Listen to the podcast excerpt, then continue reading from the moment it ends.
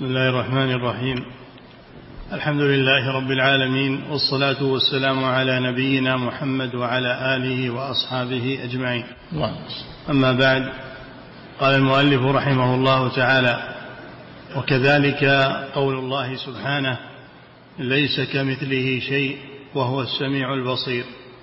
إنما قصد به نفي أن يكون معه شريك أو معبود يستحق العبادة والتعظيم. كما يفعله المشبهون والمشركون ولم يقصد به نفي صفات كماله. بسم الله الرحمن الرحيم. الحمد لله والصلاة والسلام على رسول الله وعلى آله وأصحابه أجمعين.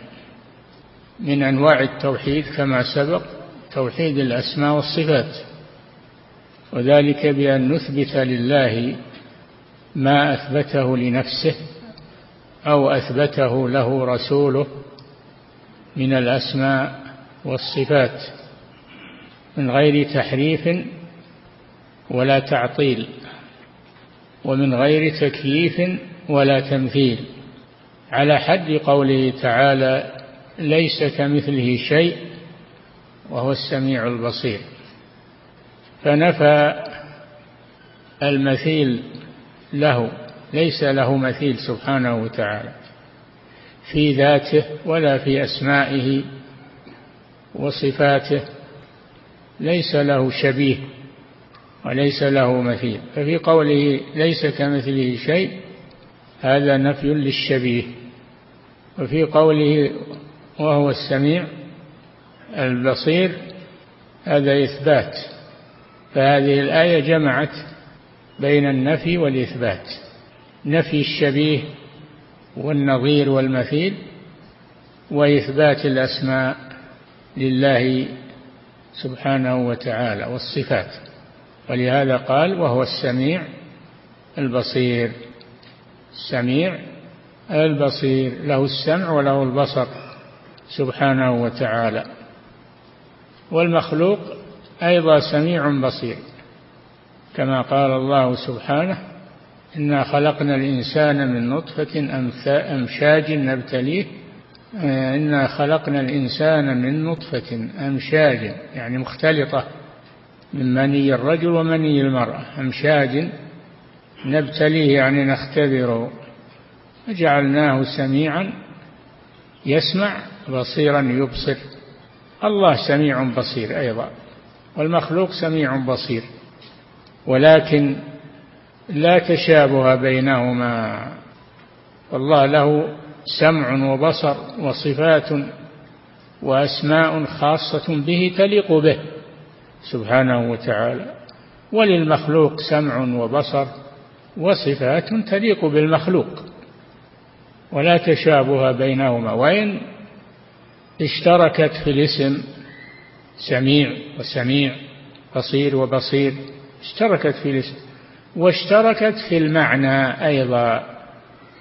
سميع يعني له سمع بصير له بصر. فهي وين اشتركت؟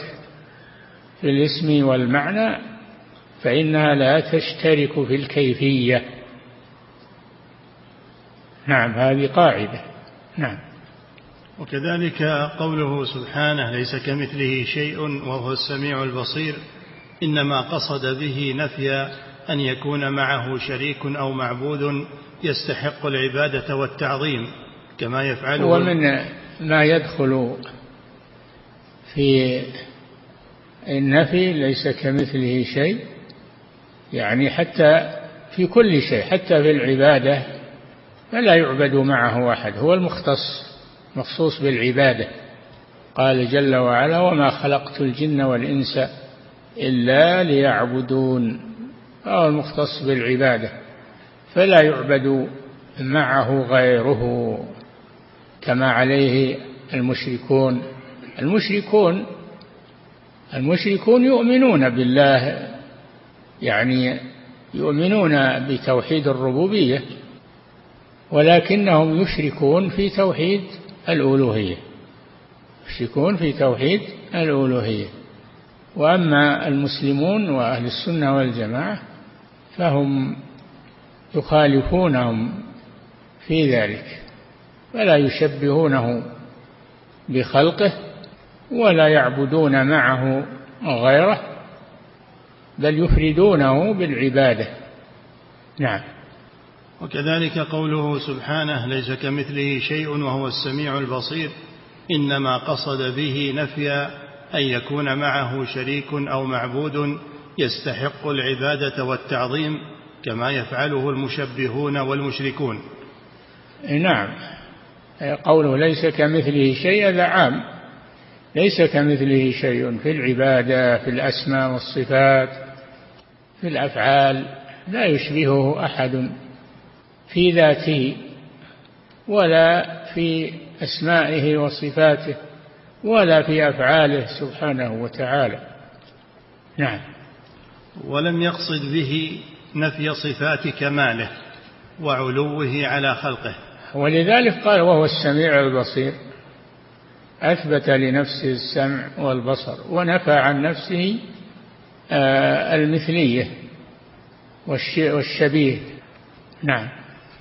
ولم يقصد به نفي صفات كماله وعلوه على خلقه وتكلمه بكتبه.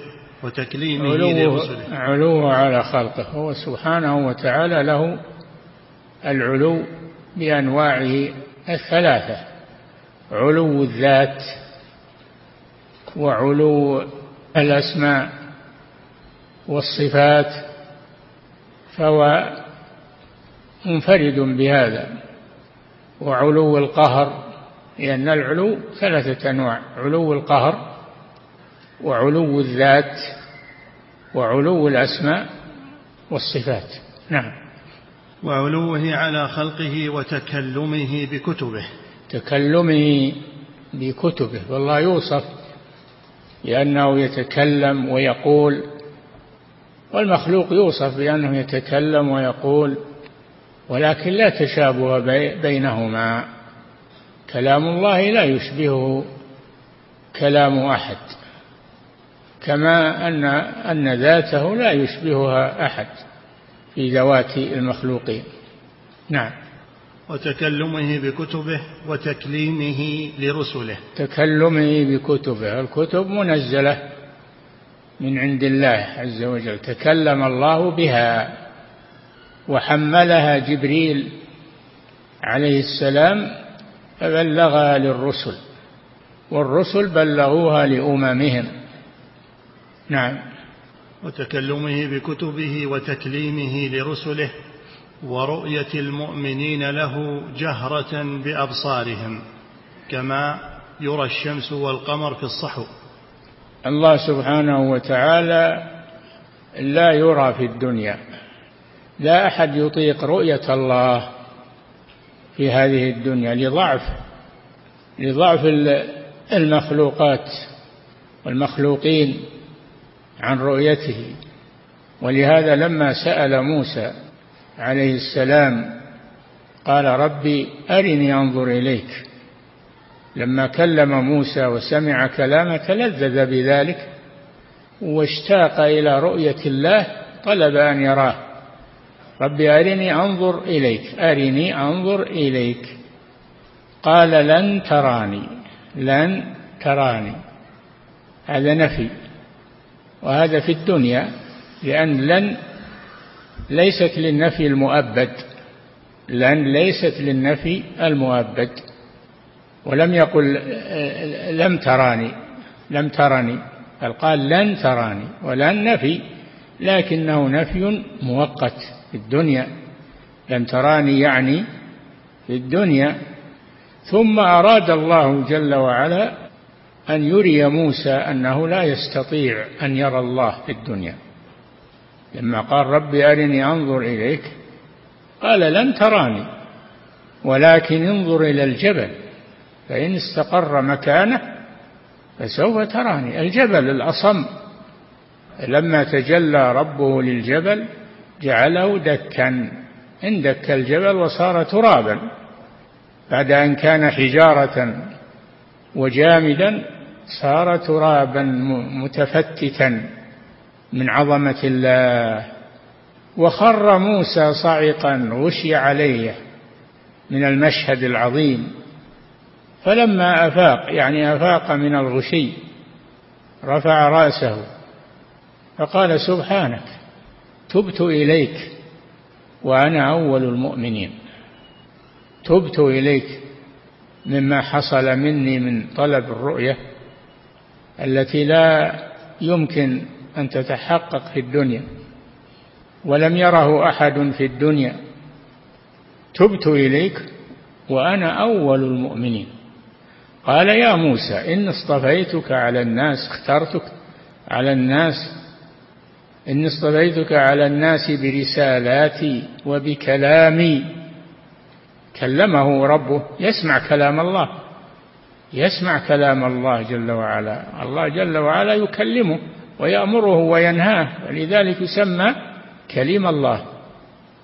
افعل كذا لا تفعل كذا يكلمه ربه. يسمع صوت آه، يسمع كلام الله وصوت الله جل وعلا. لأن الله يتكلم بصوت يسمعه يسمعه عباده.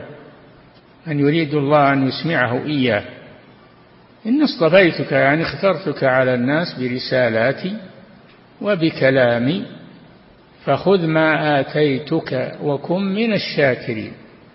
خذ ما, ما آتيتك من هذه الرسالة وهذا الكلام بالتكليم كن من الشاكرين لله عز وجل على ذلك. نعم. فإنه سبحانه وتعالى إنما ذكر هذا في سياق رده على المشركين الذين اتخذوا من دونه أولياء يوالونهم من دونه فقال تعالى والذين اتخذوا من دونه أولياء الله حفيظ عليهم وما أنت عليهم بوكيل.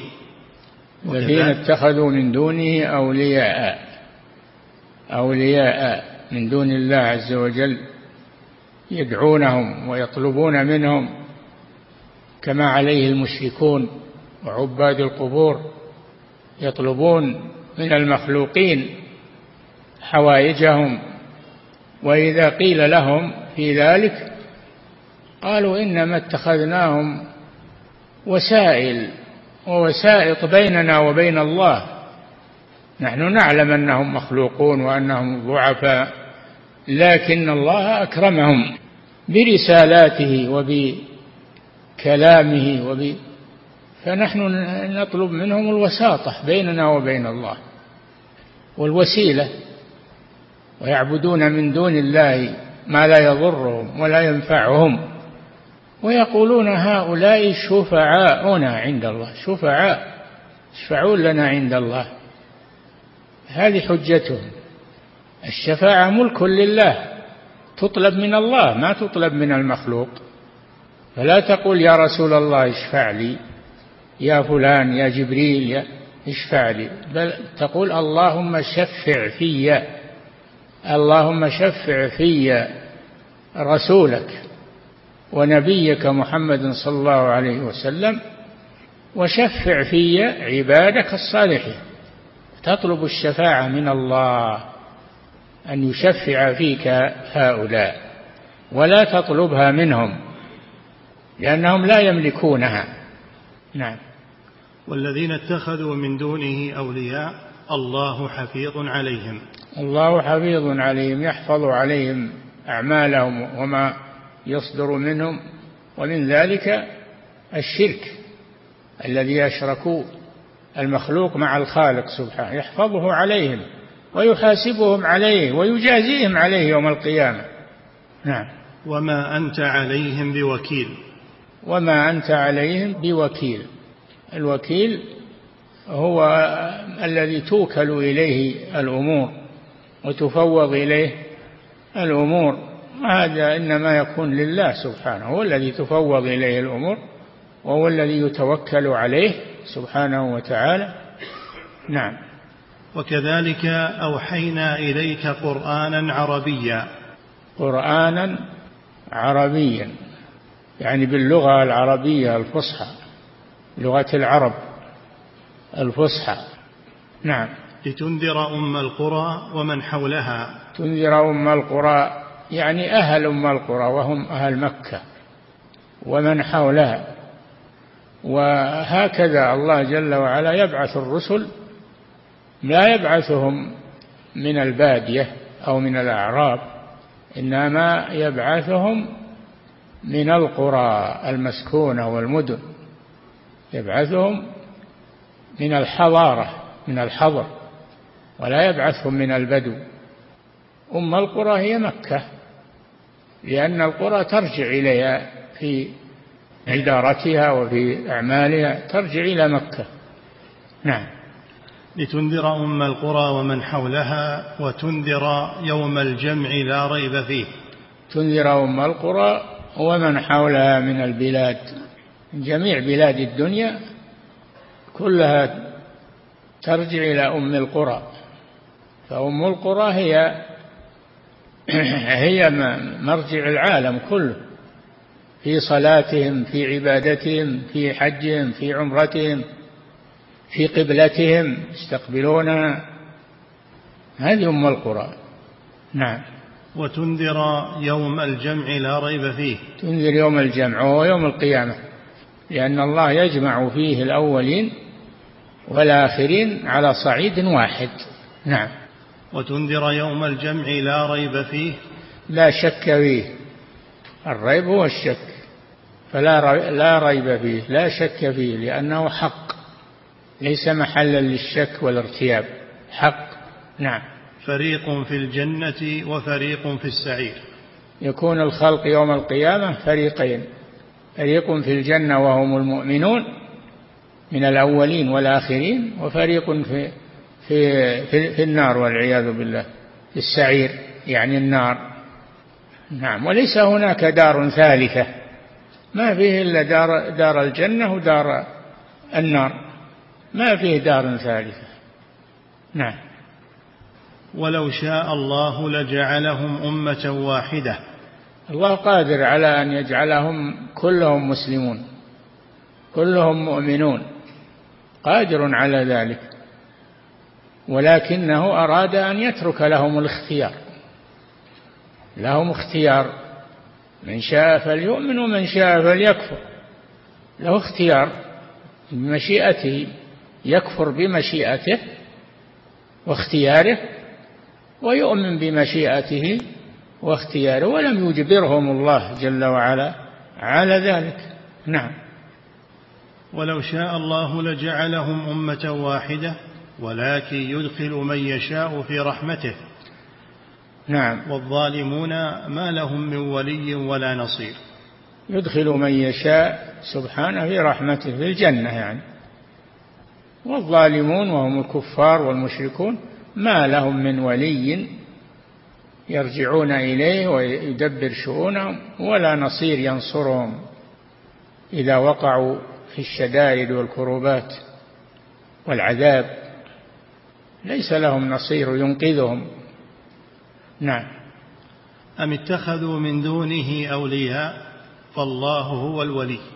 أم بمعنى بل بل اتخذوا أي أي الكفار والمشركون من دونه أولياء يعبدون هؤلاء الأولياء ويقولون نحن نعلم أنهم لا يقدرون على نفع ولا على ضر ولا يملكون ذلك وإنما نجعلهم وسائط وشفعاء بيننا وبين الله لأنهم صالحون ويتقبل الله منهم ونحن مذنبون.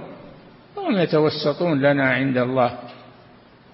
قال تعالى ويعبدون من دون الله ما لا يضرهم ولا ينفعهم ويقولون هؤلاء شفعاؤنا عند الله. هذه حجتهم. شفعاؤنا عند الله توسطون لنا عند الله. نعم.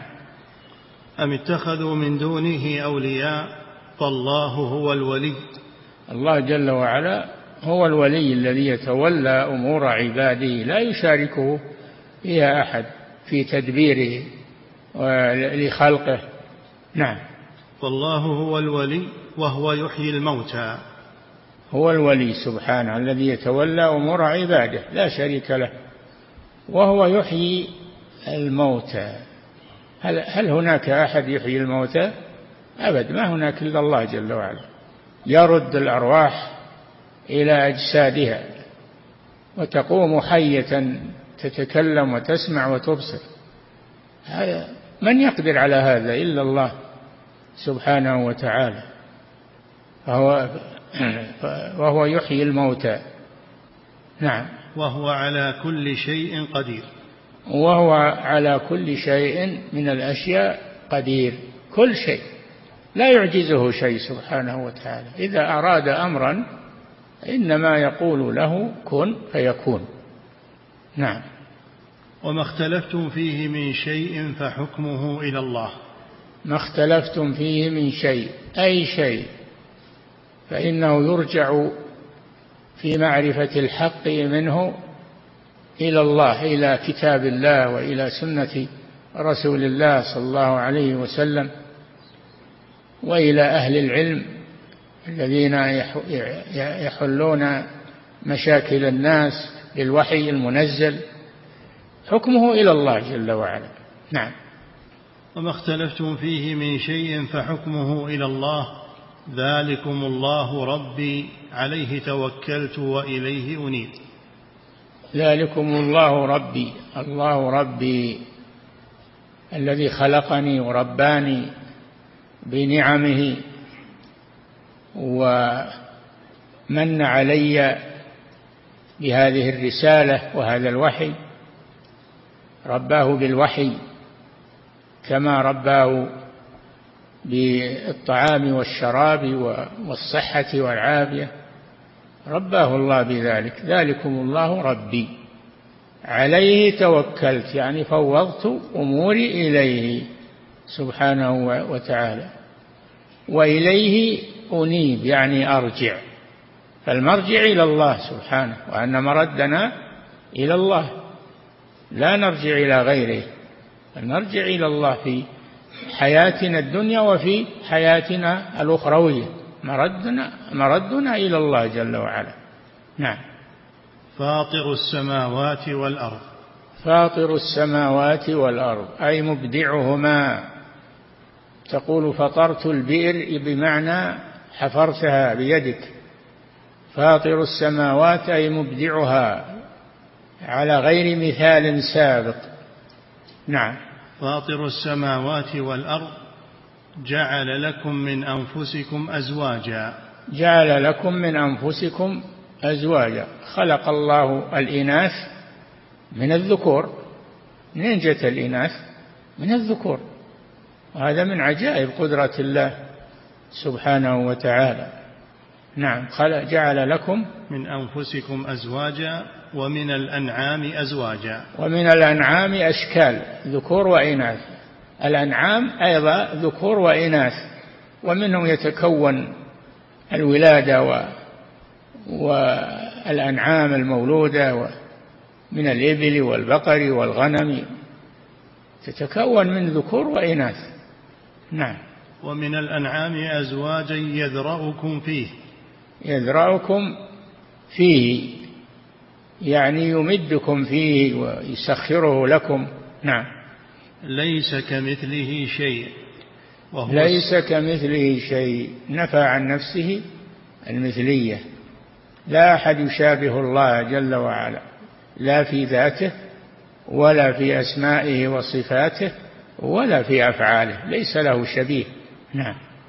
وهو السميع البصير. وهو السميع البصير. أثبت لنفسه السمع والبصر ونفى عن نفسه المثلية والشبيه. نعم.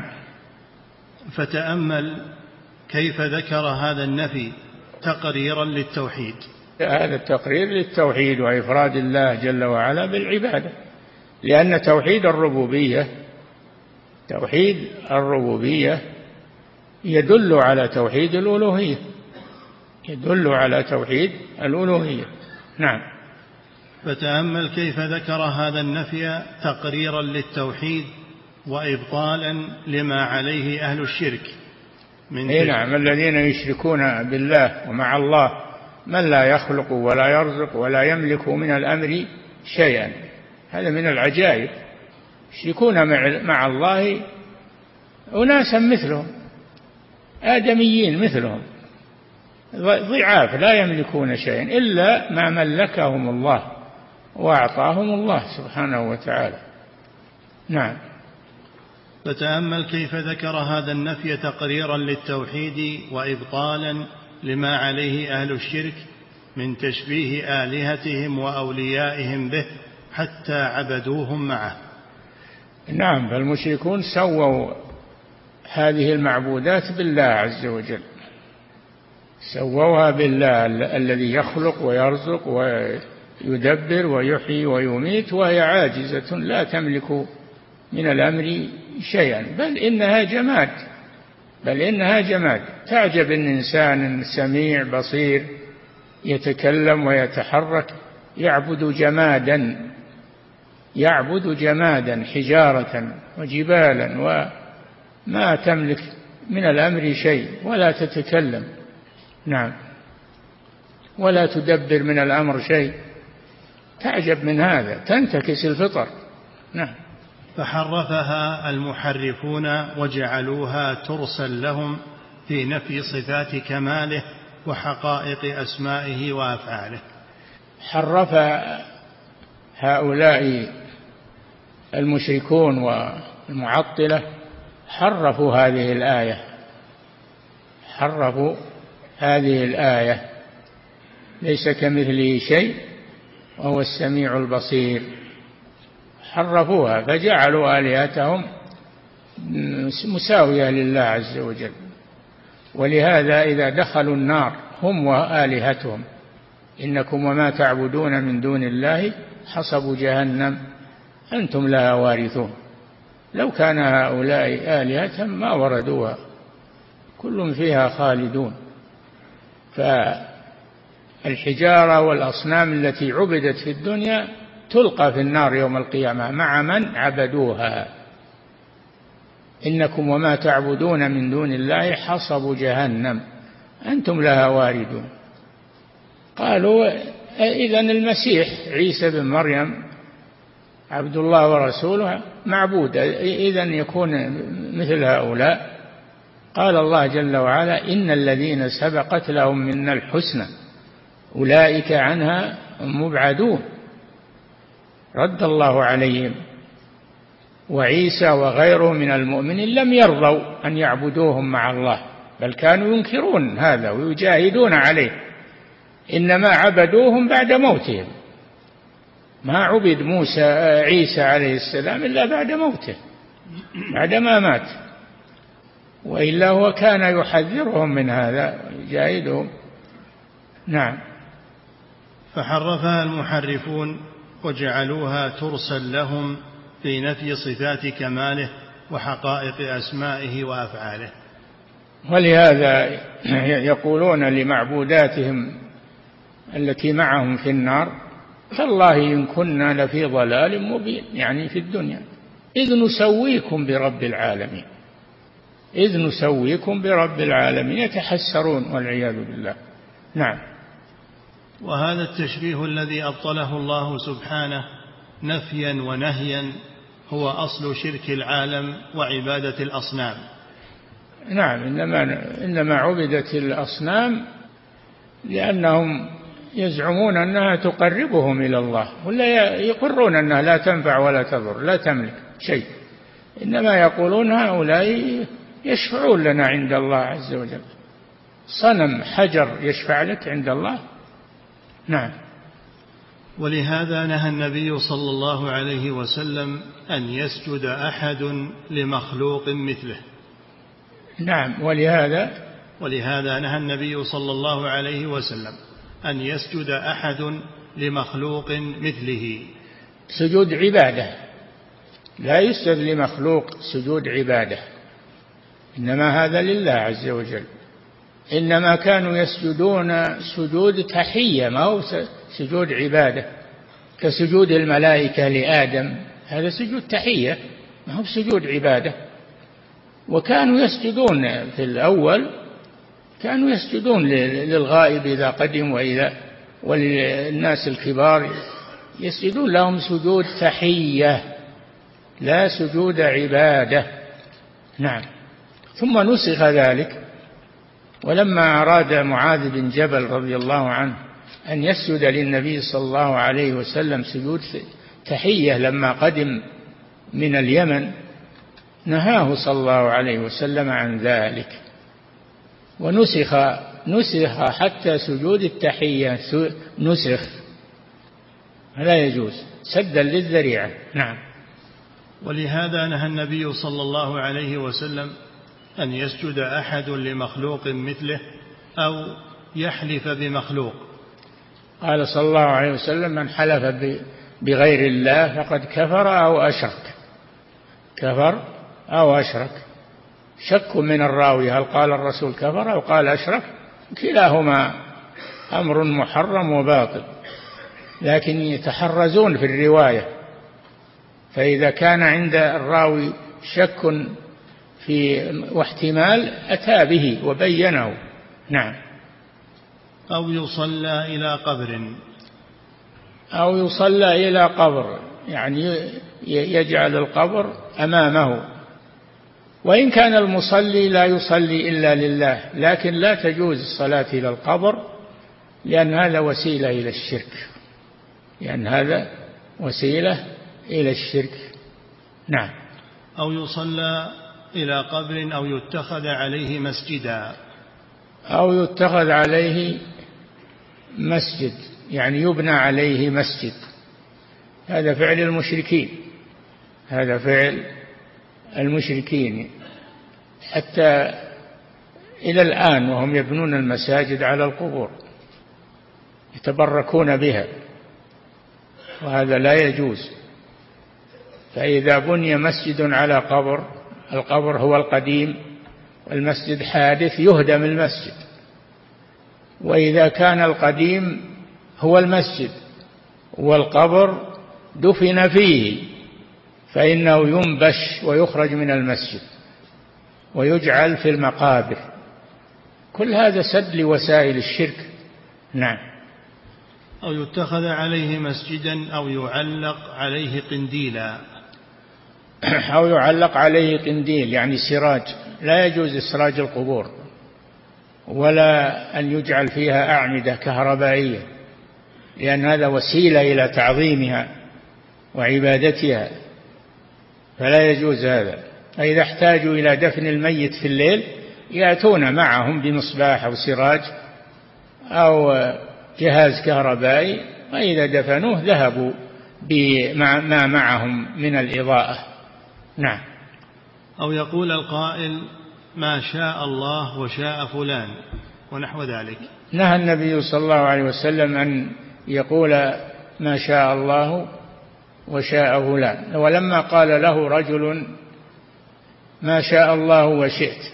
قال صلى الله عليه وسلم جعلتني لله ندا. قل ما شاء الله وحده. فلا يجوز أن يقال ما شاء الله وشاء فلان بالواو لأن هذا يقتضي التشريك والمساواة. ولكن يقول ما شاء الله ثم شاء فلان. تكون مشيئة العبد بعد مشيئة الله مرتبة بثم التي هي للتراخي والتعقيب. نعم. أو يقول القائل ما شاء الله وشاء فلان ونحو ذلك حذرا من هذا التشبيه الذي هو أصل الشرك. إي نعم تشبيه المخلوق بالخالق. نعم. أما إثبات صفات الكمال فهو أصل التوحيد. إثبات صفات الكمال لله التي وصف بها نفسه السمع والبصر و والكلام وما جاء في هذا المعنى فهذا ثابت في القرآن. يوصف الله به وقد وصف به نفسه سبحانه وتعالى. وإن كان في المخلوقين ما يشبهه في السمع والبصر لكن فيه فرق بين صفات الخالق وصفات المخلوقين. فيه فرق. نعم. أما إثبات صفات الكمال فهو أصل التوحيد. أي نعم إثبات صفات الكمال لله عز وجل فهذا أصل التوحيد. والله أثبت لنفسه صفات الكمال ونفى عن نفسه صفات النقص. نعم. فتبين أن المشبهة هم الذين يشبهون المخلوق بالخالق في العبادة والتعظيم والخضوع والحلف به والنذر له. كل المشركون على هذا النمط يشبهون المخلوق بالخالق ويعبدونه مع الله عز وجل. تعالى الله عن ذلك. أساس الشرك هو التشبيه. نعم. والحلف به والنذر له والسجود له والعكوف عند بيته. اي نعم كل هذا يفعله المشركون عند القبور والأضرحة. وهذا هو أصل الشرك. نعم. وحلق الرأس له. ويحلقون رؤوسهم له. يعني وحلق الرأس لا يجوز إلا إما أن يكون مباحا لإزالة الأذى وإما أن يكون عبادة في الحج والعمرة. نسكا من مناسك الحج والعمرة. نعم. وحلق الرأس له والاستغاثة به والتشريك والاستغاثة به الإغاثة طلب الغوث وفيما لا يقدر عليه إلا الله سبحانه وتعالى. فلا يستغاث بالمخلوق الأشياء التي لا يقدر عليها إلا الله. وأما الاستغاثة بالمخلوق فيما يقدر عليه فلا بأس بذلك. قال تعالى فاستغاثه الذي من شيعته على الذي من عدوه. يعني آه، الإسرائيلي استغاث بموسى على القبطي لما تشاجر القبطي والإسرائيلي وموسى من بني إسرائيل عليه الصلاة والسلام استغاثه الذي من شيعته على الذي من عدوه فوكزه موسى. وكز القبطي يعني ضربه ضربة واحدة فقضى عليه يعني موسى قوي عليه الصلاة والسلام فقضى عليه نعم قضى على القبطي بضربة واحدة نعم ثم اعترف بذنبه وتاب إلى الله وندم على ما فعل نعم. والتشريك بينه وبين الله في قولهم ليس لي إلا الله وأنت. نعم وأنت. يجعل العطف بالواو لأن الواو تقتضي التشريك والمماثلة. نعم. فلا و... تقول ما لي إلا الله وأنت.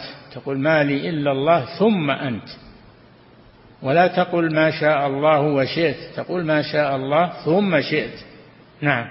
وأنا متكل لا تقول لولا الله وفلان. تقول ما شاء لولا الله ثم فلان تأتي بثم. نعم.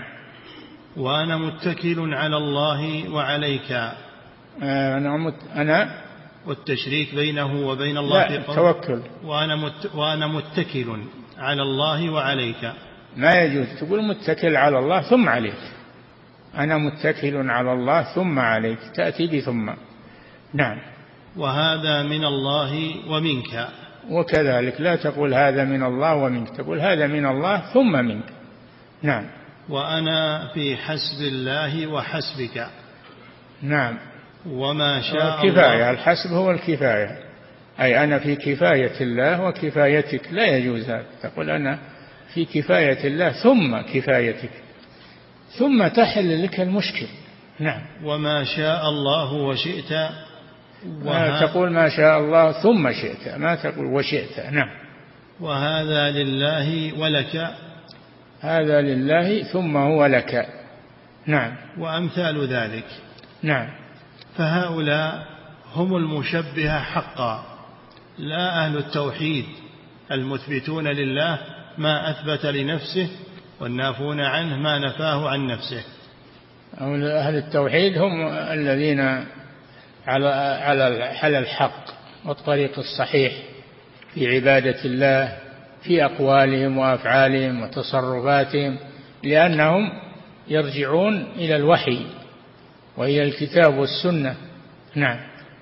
فهؤلاء هم المشبهة حقا لا أهل التوحيد المثبتون لله ما أثبت لنفسه والنافون عنه ما نفاه عن نفسه الذين لا يجعلون له ندا من خلقه ولا عدلا ولا كفوا ولا سميا وليس لهم من دونه ولي ولا شفيع. نعم. فهم أهل التوحيد يفرقون بين ما هو لله وما هو للمخلوق. لا يجعلون ما هو لله يجعلونه للمخلوق من السجود والدعاء وغير ذلك. نعم. فمن تدبر هذا الفصل حق التدبر تبين له كيف وقعت الفتنة في الأرض بعبادة الأصنام. أي نعم سبب عبادة الأصنام هو تشبيه المخلوق بالخالق. ولهذا يقولون يوم القيامة وهم في النار يقولون لأصنامهم تالله إن كنا لفي ضلال مبين إذ نسويكم برب العالمين. كنا يعني في الدنيا. لفي ضلال مبين إذ نسويكم يعني نشبهكم برب العالمين. إذ نسويكم برب العالمين. فهم ما عبدوا الأصنام والأحجار والأشجار إلا لأنهم يشبهونها برب العالمين. نعم. فمن تدبر هذا الفصل حق التدبر تبين له كيف وقعت الفتنة في الأرض بعبادة الأصنام وتبين له سر القرآن في الإنكار على هؤلاء المشبهة الممثلة ولا سيما إذا جمعوا إلى هذا التشبيه تعطيل الصفات والأفعال كما هو الغالب عليهم. أي نعم يجمعون بين تعطيل أسماء الله وصفاته والى آه، إلى تشبيه المخلوقين بالخالق في, الأفعال والأقوال وغير ذلك. نعم. ولا سيما إذا جمعوا إلى هذا التشبيه تعطيل الصفات والأفعال كما هو الغالب عليهم فيجمعون بين تعطيل الرب سبحانه عن صفات كماله وتشبيه خلقه به. أي نعم. فصل ومن كيده وتلاعبه ما تلاعب بعباد النار حتى اتخذوها آلهة معبودة. نعم يكفي نقف عند هذا. هذا من مصائد الشيطان. الكتاب هذا إغاثة اللهفان من مصائد الشيطان. هذه مصائد الشيطان. يذكرها لكم. نعم. فضيلة الشيخ وفقكم الله هذا السائل يقول هل هناك فرق بين التشبيه والتمثيل؟ لا فرق بينهما. التشبيه والتمثيل بمعنى واحد. نعم. فضيلة الشيخ وفقكم الله هذا سائل يقول هل يصح أن أقول أعطني هذا الشيء بجاه نبينا محمد صلى الله عليه وسلم؟ ما يجوز السؤال بالجاه. ما يجوز السؤال بالجاه بجاه الرسول صلى الله عليه وسلم. هذا بدعة وسيلة إلى الشرك. نعم. فضيلة الشيخ وفقكم الله هذا سائل يقول ما حكم من ينادي ويدعو الجن؟ فيقول يا جن خذوا فلانا وافعلوا به كذا وكذا. لا يجوز هذا. هذا يستغيث بالجن. يستغيث بالجن. فهذا أمر باطل. وهو وسيلة إلى الشرك. نعم. فضيلة الشيخ وفقكم الله هذا سائل يقول ما حكم طلب الشفاعة من النبي صلى الله عليه وسلم عند قبره؟ ما يجوز هذا. ما تطلب الشفاعة من الرسول. تطلبها من الله الشفاعة لله جل وعلا. تقول اللهم شفع في رسولك شفع في نبيك شفع في عبادك الصالحين. تطلبها من الله سبحانه وتعالى. ما تطلبها من المخلوق؟ فتقول اشفع لي عند الله. نعم. فضيلة الشيخ وفقكم الله صليت في مسجد فيه قبر عدة صلوات ولم أكن أعرف أن فيه قبرا. فلما تبين لي تركت الصلاة. سؤاله هل أعيد الصلوات السابقة؟ إي نعم. تعيد الصلوات السابقة لأنها باطلة. صليت في مسجد فيه قبر. ولو كنت لم تعلم. فإذا تنبهت علمت تعيد الصلاة. نعم. لأنها صلاة منهي عنها. والنهي يقتضي البطلان. نعم. فضيلة الشيخ وفقكم الله هذا سائل من خارج هذه البلاد يقول هناك بقعة في بلدي كانت مقبرة فطمست وبنوا فوقها منازل مع أن الموتى ما زالوا تحت هذه الأرض. سؤاله هل يجوز لي أن أسكن في هذه المنازل؟ إذا كنت تعلم أنها مقبرة فلا تسكن فيها حرام عليك. ولو كانوا يسكنون لا تسكن معهم فيها. بل نبههم على أن هذا لا يجوز. نعم. المقابر تحترم ولا تداس أو يسكن عليها أو يبنى عليها تحترم تصان. نعم. فضيلة الشيخ وفقكم الله هذا سائل يقول ما يذكره كثير من الصوفية من قولهم إن قبر النبي صلى الله عليه وسلم في المسجد ومع ذلك نصلي فيه. فكذلك سائر المساجد. كيف نجيبهم عن هذا؟ كذبوا في هذا.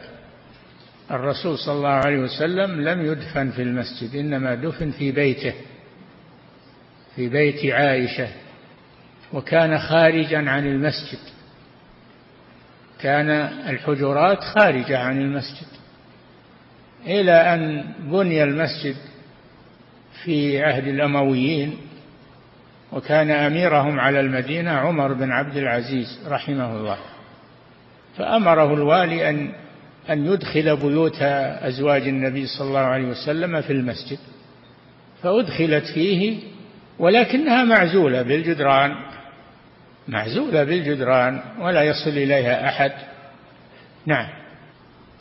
فضيلة الشيخ وفقكم الله هذا سائل من خارج هذه البلاد يقول في بلدنا النصارى لهم عبادة في أيام معينة في الشتاء وهم أنهم ينقبون الثلج في النهر ثم وهو أنهم ينقبون الثلج ينقبون يحفرون الثلج على النهر. ينقبونه ها؟ ينقبونه يلطفونه. بالنون ينقبونه ينطفونه. نعم. إيه؟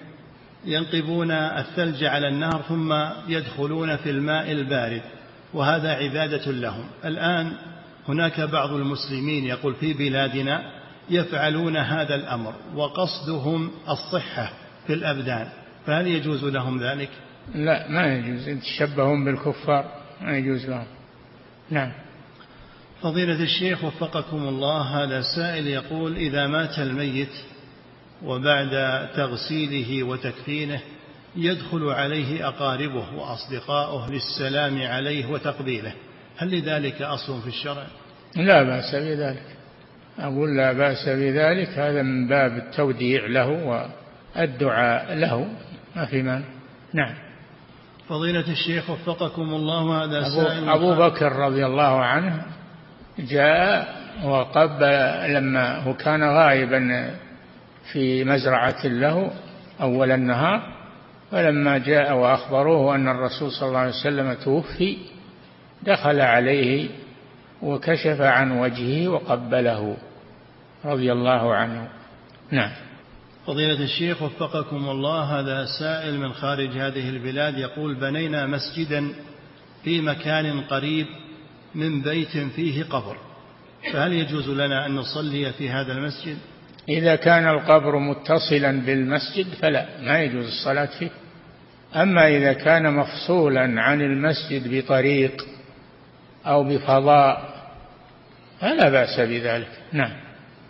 فضيلة الشيخ وفقكم الله هذا سائل يقول ما تفسير قول الله سبحانه أمن يبدأ الخلق ثم يعيده ومن يرزقكم من السماء والأرض أإله مع الله؟ قل هاتوا برهانكم إن كنتم صادقين. إيش السؤال؟ ما تفسير قول الله سبحانه أمن يبدأ الخلق ثم يعيده؟ أي نعم. من يبدأ الخلق؟ ينشئه أولا ثم يميته ثم يعيده. من هو الذي يفعل هذا؟ هو الله سبحانه وتعالى. لا يقدر على هذا إلا الله سبحانه وتعالى وهو الذي يستحق العبادة. نعم. ومن يرزقكم من السماء والأرض كذلك الرزق من السماء بالغيث ومن الأرض بالنبات من الذي يفعل هذا؟ هو الله سبحانه وتعالى. إذا هو المستحق للعبادة. هذه أدلة التوحيد. نعم. أإله مع الله؟ قل هاتوا برهانكم إن كنتم صادقين. أإله يعبد مع الله يسوى بالله عز وجل. هذا إنكار هذا استفهام إنكار. نعم. قل هاتوا برهانكم إن كنتم صادقين. هاتوا برهانكم دليلكم. البرهان هو الدليل. هاتوا برهانكم على صحة ما أنتم عليه من عبادة غير الله. ما في برهان على الشرك إنما البرهان ضد الشرك. نعم. فضيلة الشيخ وفقكم الله وهذا سائل من خارج هذه البلاد يقول إذا بني المسجد فوق القبر ذكرتم حفظكم الله أن المسجد يهدم. أي نعم. فهل يجوز لنا مع قلة المساجد في بلدنا أن ننقل القبر ولا نهدم المسجد؟ ما لكم سلطة يحصل فتنة. إذا كان السلطان هو الذي بينقله هذا طيب. أما أنتم ما تملكون هذا ويحصل فتنة. صلوا في مسجد آخر أو ابنوا لكم مسجد خاص. نعم. فضيلة الشيخ وفقكم الله هذا سائل يقول ما حكم قول القائل حينما يأتيه زائر؟ فيقول حينما حينما يأتيه زائر. نعم. فيقول زارتنا البركة. تفاؤل من باب التفاؤل لا بأس بذلك. نعم. فضيلة الشيخ وفقكم الله هذا سائل يقول إذا قرأ الإمام سورة المطففين وقرأ هذه الآية هل ثوب الكفار ما كانوا يفعلون؟ فقال المأموم نعم. فهل هذا العمل سنة؟ لا. هذا بدعة ما هو سنة. نعم ما ورد هذا. نعم.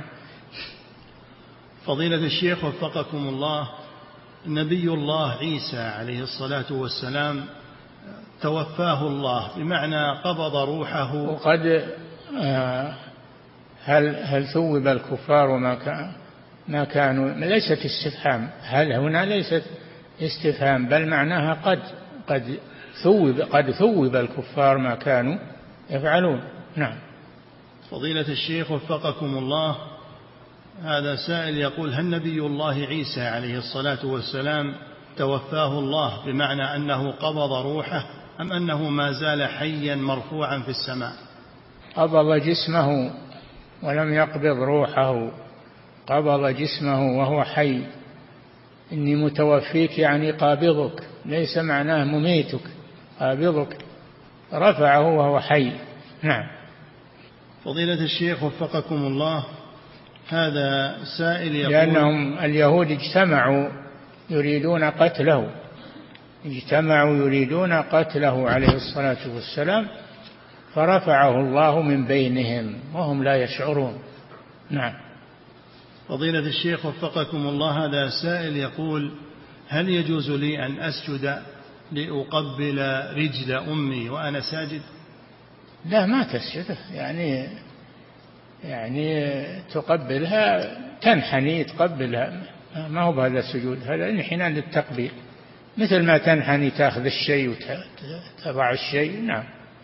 نعم. فضيلة الشيخ وفقكم الله هذا سائل يقول هل الاستغفار يكفر جميع الذنوب صغائرها وكبائرها؟ هل؟ الاستغفار يكفر جميع الذنوب صغائرها وكبائرها؟ صغائرها؟ صغائرها وكبائرها؟ اي نعم الاستغفار يكفر إذا تقبله الله يكفر. يستغفر من الشرك يستغفر من الذنب يستغفر من المعصية. نعم. فضيلة الشيخ وفقكم الله. هذا سائل يقول الرجل إذا قام مع أذان الفجر لكنه لم يقم لصلاة الليل هل يكون داخلا في قول النبي صلى الله عليه وسلم ذاك رجل بال الشيطان في أذنه؟ اي نعم اللي يترك قيام الليل وينام إلى الفجر هذا بال الشيطان في أذنه. نعم. فضيلة الشيخ وفقكم الله. هذا سائل يقول أعمل في هذه البلاد وأجلس عشرة أشهر ثم أرجع إلى بلدي هل يجوز لي أن أقصر الصلاة وأجمعها إلى حين رجوعي إلى أهلي لمدة عشرة أشهر؟ إذا نويت إقامة أكثر من أربعة أيام فإنك تتم الصلاة لأن السفر انقطع بهذه الإقامة التي تزيد على أربعة أيام. نعم. فضيلة الشيخ وفقكم الله هذا سائل يقول اقترضت مالا لأجل الحج وأنا قادر على السداد لكن صاحب المال يمهلني ولم يطالبني به. السؤال هل لي أن أؤخر السداد أم أن الواجب علي المبادرة؟ واجب عليك المبادرة. ما دمت تتمكن من السداد ربما يأتي عليك وقت لا تتمكن فبادر. قبل أن يفوت الأوان. نعم.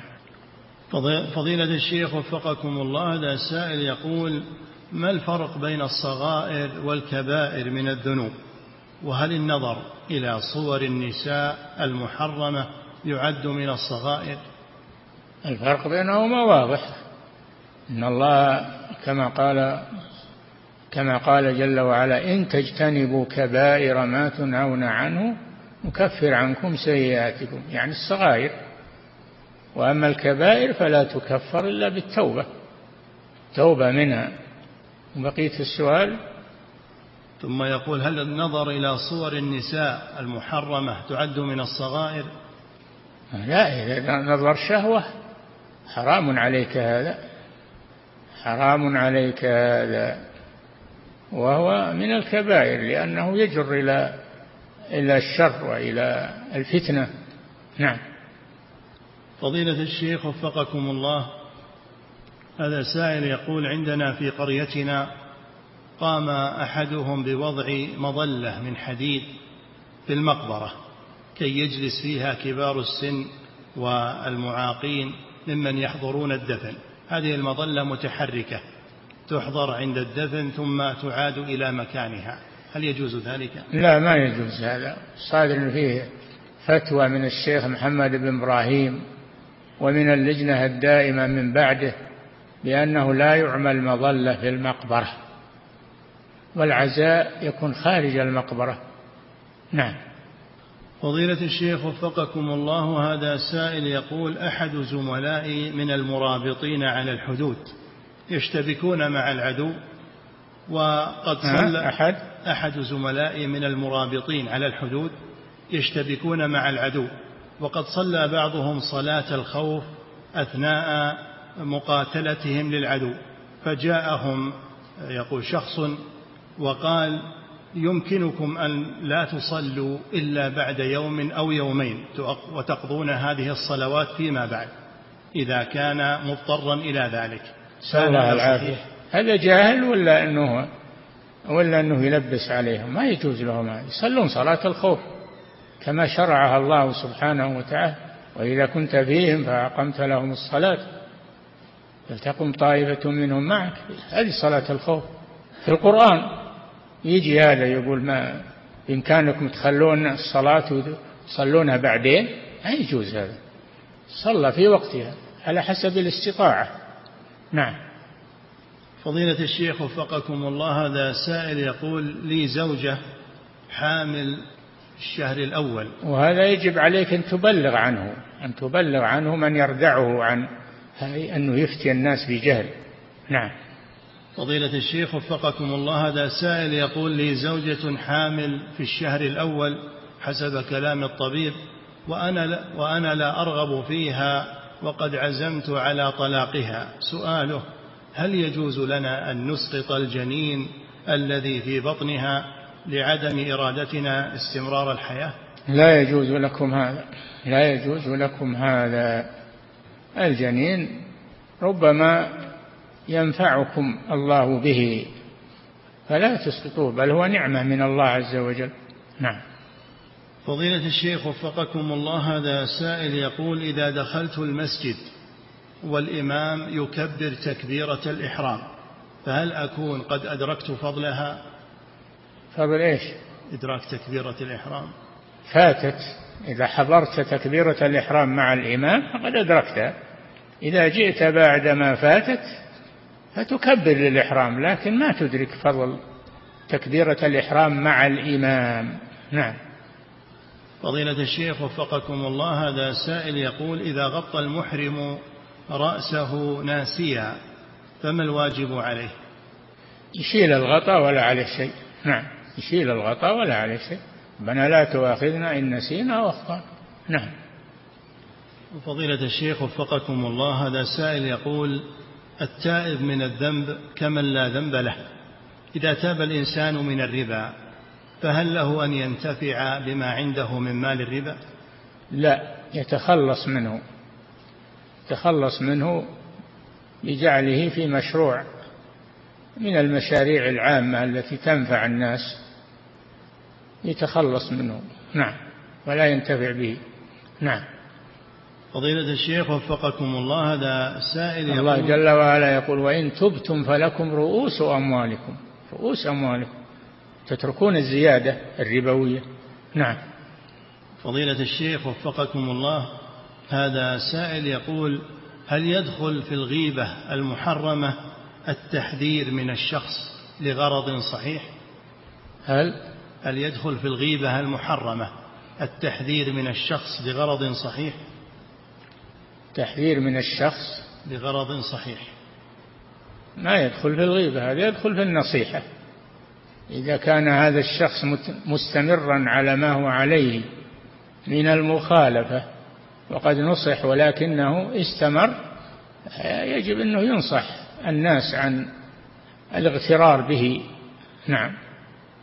فضيلة الشيخ وفقكم الله هذا سائل يقول إذا كان الشخص ينوي أن يذهب إلى المسجد النبوي كل شهر أو شهرين فهل له أن يسلم على الرسول صلى الله عليه وسلم أم أنه يكون من اتخاذه عيدا؟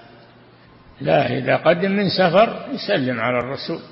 إنما إذا كان ساكنا في المدينة فلا يسلم على الرسول كل ما دخل المسجد. يصلي في المسجد و... وينصرف.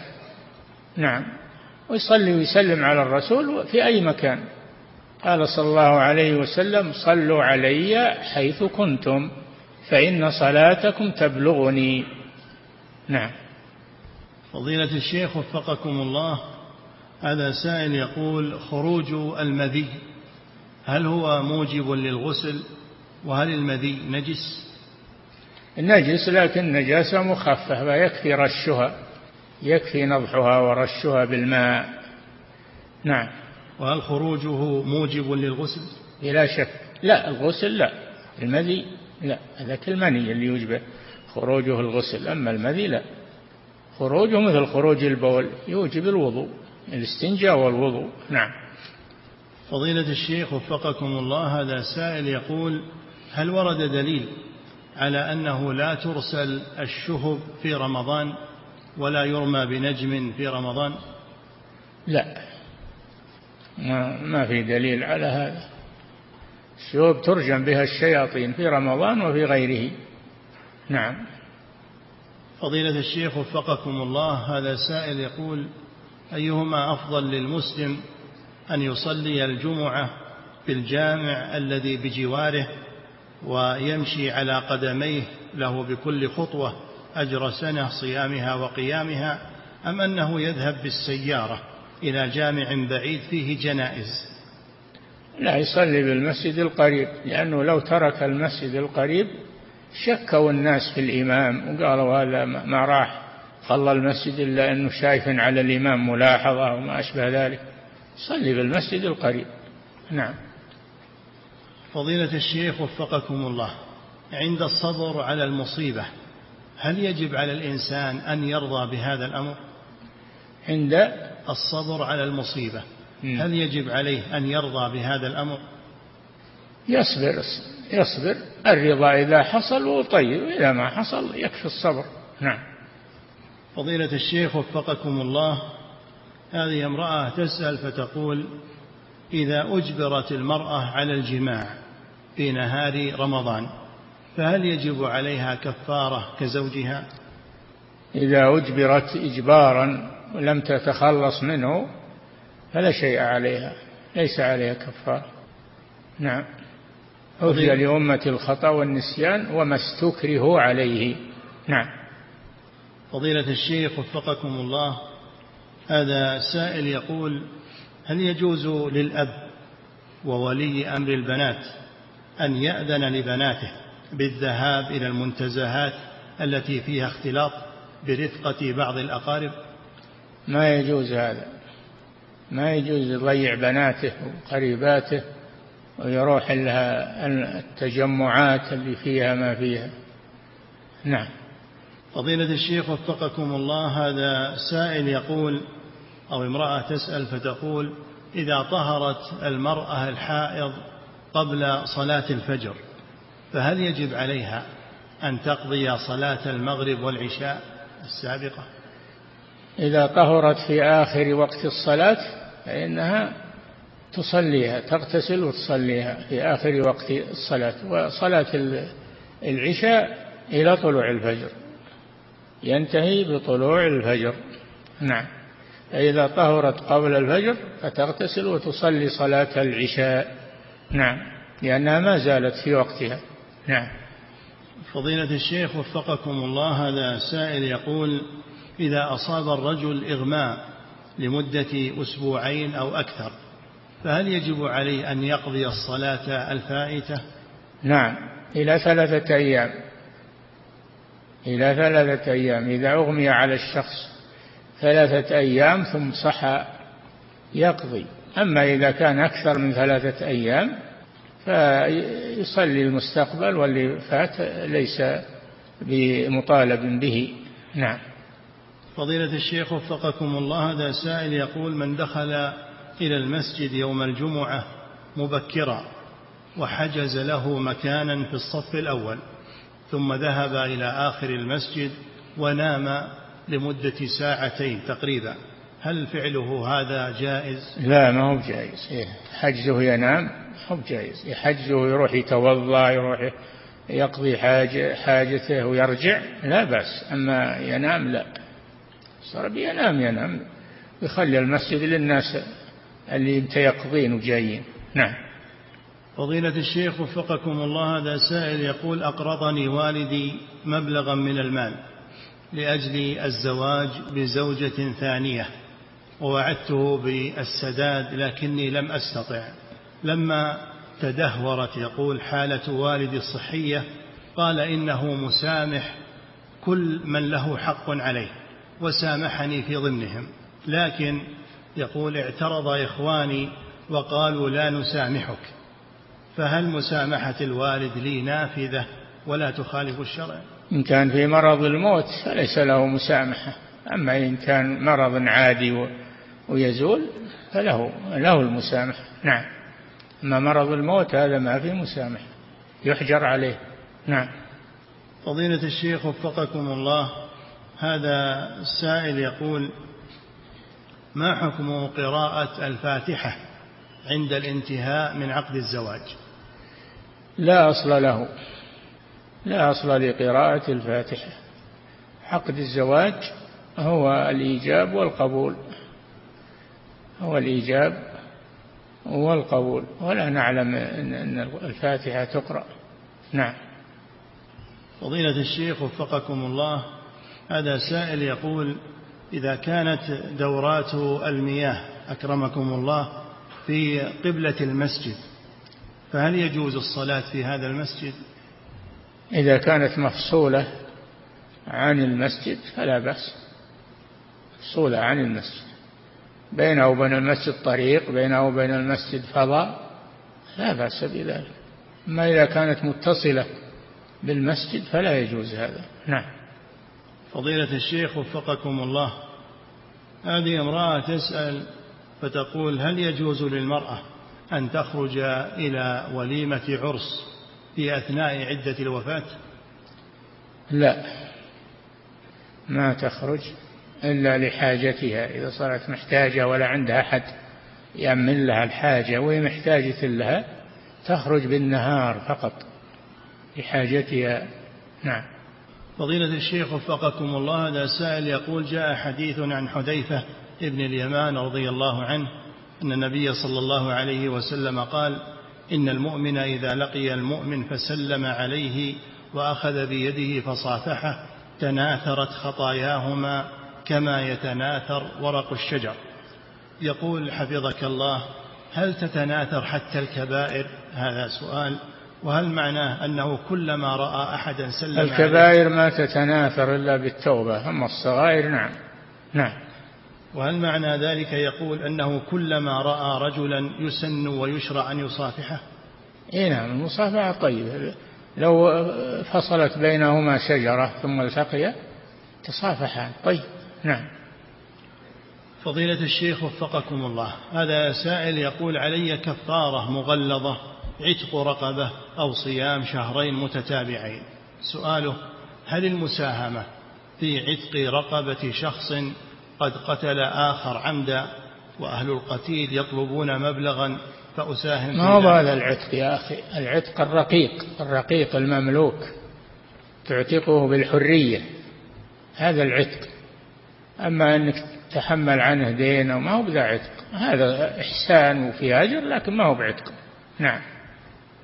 فضيلة الشيخ وفقكم الله هذا سائل يقول إذا نسي المأموم قراءة التشهد الأول وهو مع الجماعة فما الواجب عليه؟ نسيه. المأموم المأموم نسي قراءة التشهد الأول. إيه. فهل يجب عليه شيء؟ تبع الإمام تحمله الإمام عنه. نعم. فضيلة الشيخ وفقكم الله. هذا سائل يقول إذا تبين للمسلم أنه قد صلى إلى غير القبلة بعد الاجتهاد وذلك داخل البلد فهل يعيد الصلاة؟ أي نعم لأن عنده يسأل الناس يشوف المساجد والمحاريب ما له عذر؟ نعم. فضيلة الشيخ وفقكم الله هذا سائل يقول زوجتي أوقظها لصلاة الفجر دائما لكنها ترجع وتنام ولا تصلي إلا بعد الوقت فماذا علي أن أفعله في هذه الحال؟ تلزمها بالصلاة في, في وقتها فإن لم تمتثل ففارقها يا أخي اطلب غيرها. نعم. فضيلة الشيخ وفقكم الله هذا سائل يقول يوجد في الأسواق لحوم مستوردة من خارج هذه البلاد من الهند يقول ومن غيرها. ما حكم الأكل من هذه اللحوم؟ إذا كانت اللحوم جاية من أهل الكتاب من اليهود أو نصارى توكل. ما إذا كانت جاية من وثنيين فلا توكل. نعم. فضيلة الشيخ وفقكم الله الطفل الذي عمره بين سبع وعشر هل يشدد عليه في مسألة الصلاة أم أنه يترك يقول على راحته؟ لا ما هو على راحته. اضربوهم عليها لعشر. اضربوهم. الرسول صلى الله عليه وسلم يقول اضربوهم عليها لعشر نعم. ثم يقول رعاك الله وهل أوقظه لصلاة الفجر مع الجماعة أم لا بأس أن أؤخرها إلى قيامه للمدرسة؟ لا ما يجوز لك تتركه ولا يجوز له يؤخرها. يجب عليه أن يقوم يصلي مع المسلمين ويرجع ينام بعد الصلاة. نعم. فضيلة الشيخ وفقكم الله هذا سائل يقول عندي أرض أنوي بيعها بعد ارتفاع سعرها فهل علي زكاة فيها؟ إيش؟ عندي أرض أنوي بيعها بعد ارتفاع سعرها فهل علي زكاة فيها؟ أي نعم كل ما مر عليها حول فإنك تقومها بما تساوي وتزكيها لأنها أصبحت من عروض التجارة. نعم. فضيلة الشيخ وفقكم الله هذا سائل يقول إذا دخلت مع الإمام في التشهد في صلاة الجمعة فهل أكون قد أدركت الصلاة؟ لا لا تدرك الجمعة إلا بركعة كاملة ولكن تدخل مع الإمام إذا رفع رأسه من الركوع في الثانية تدخل معه للمتابعة وتحصيل الأجر وتصليها ظهرا ما تصليها جمعة.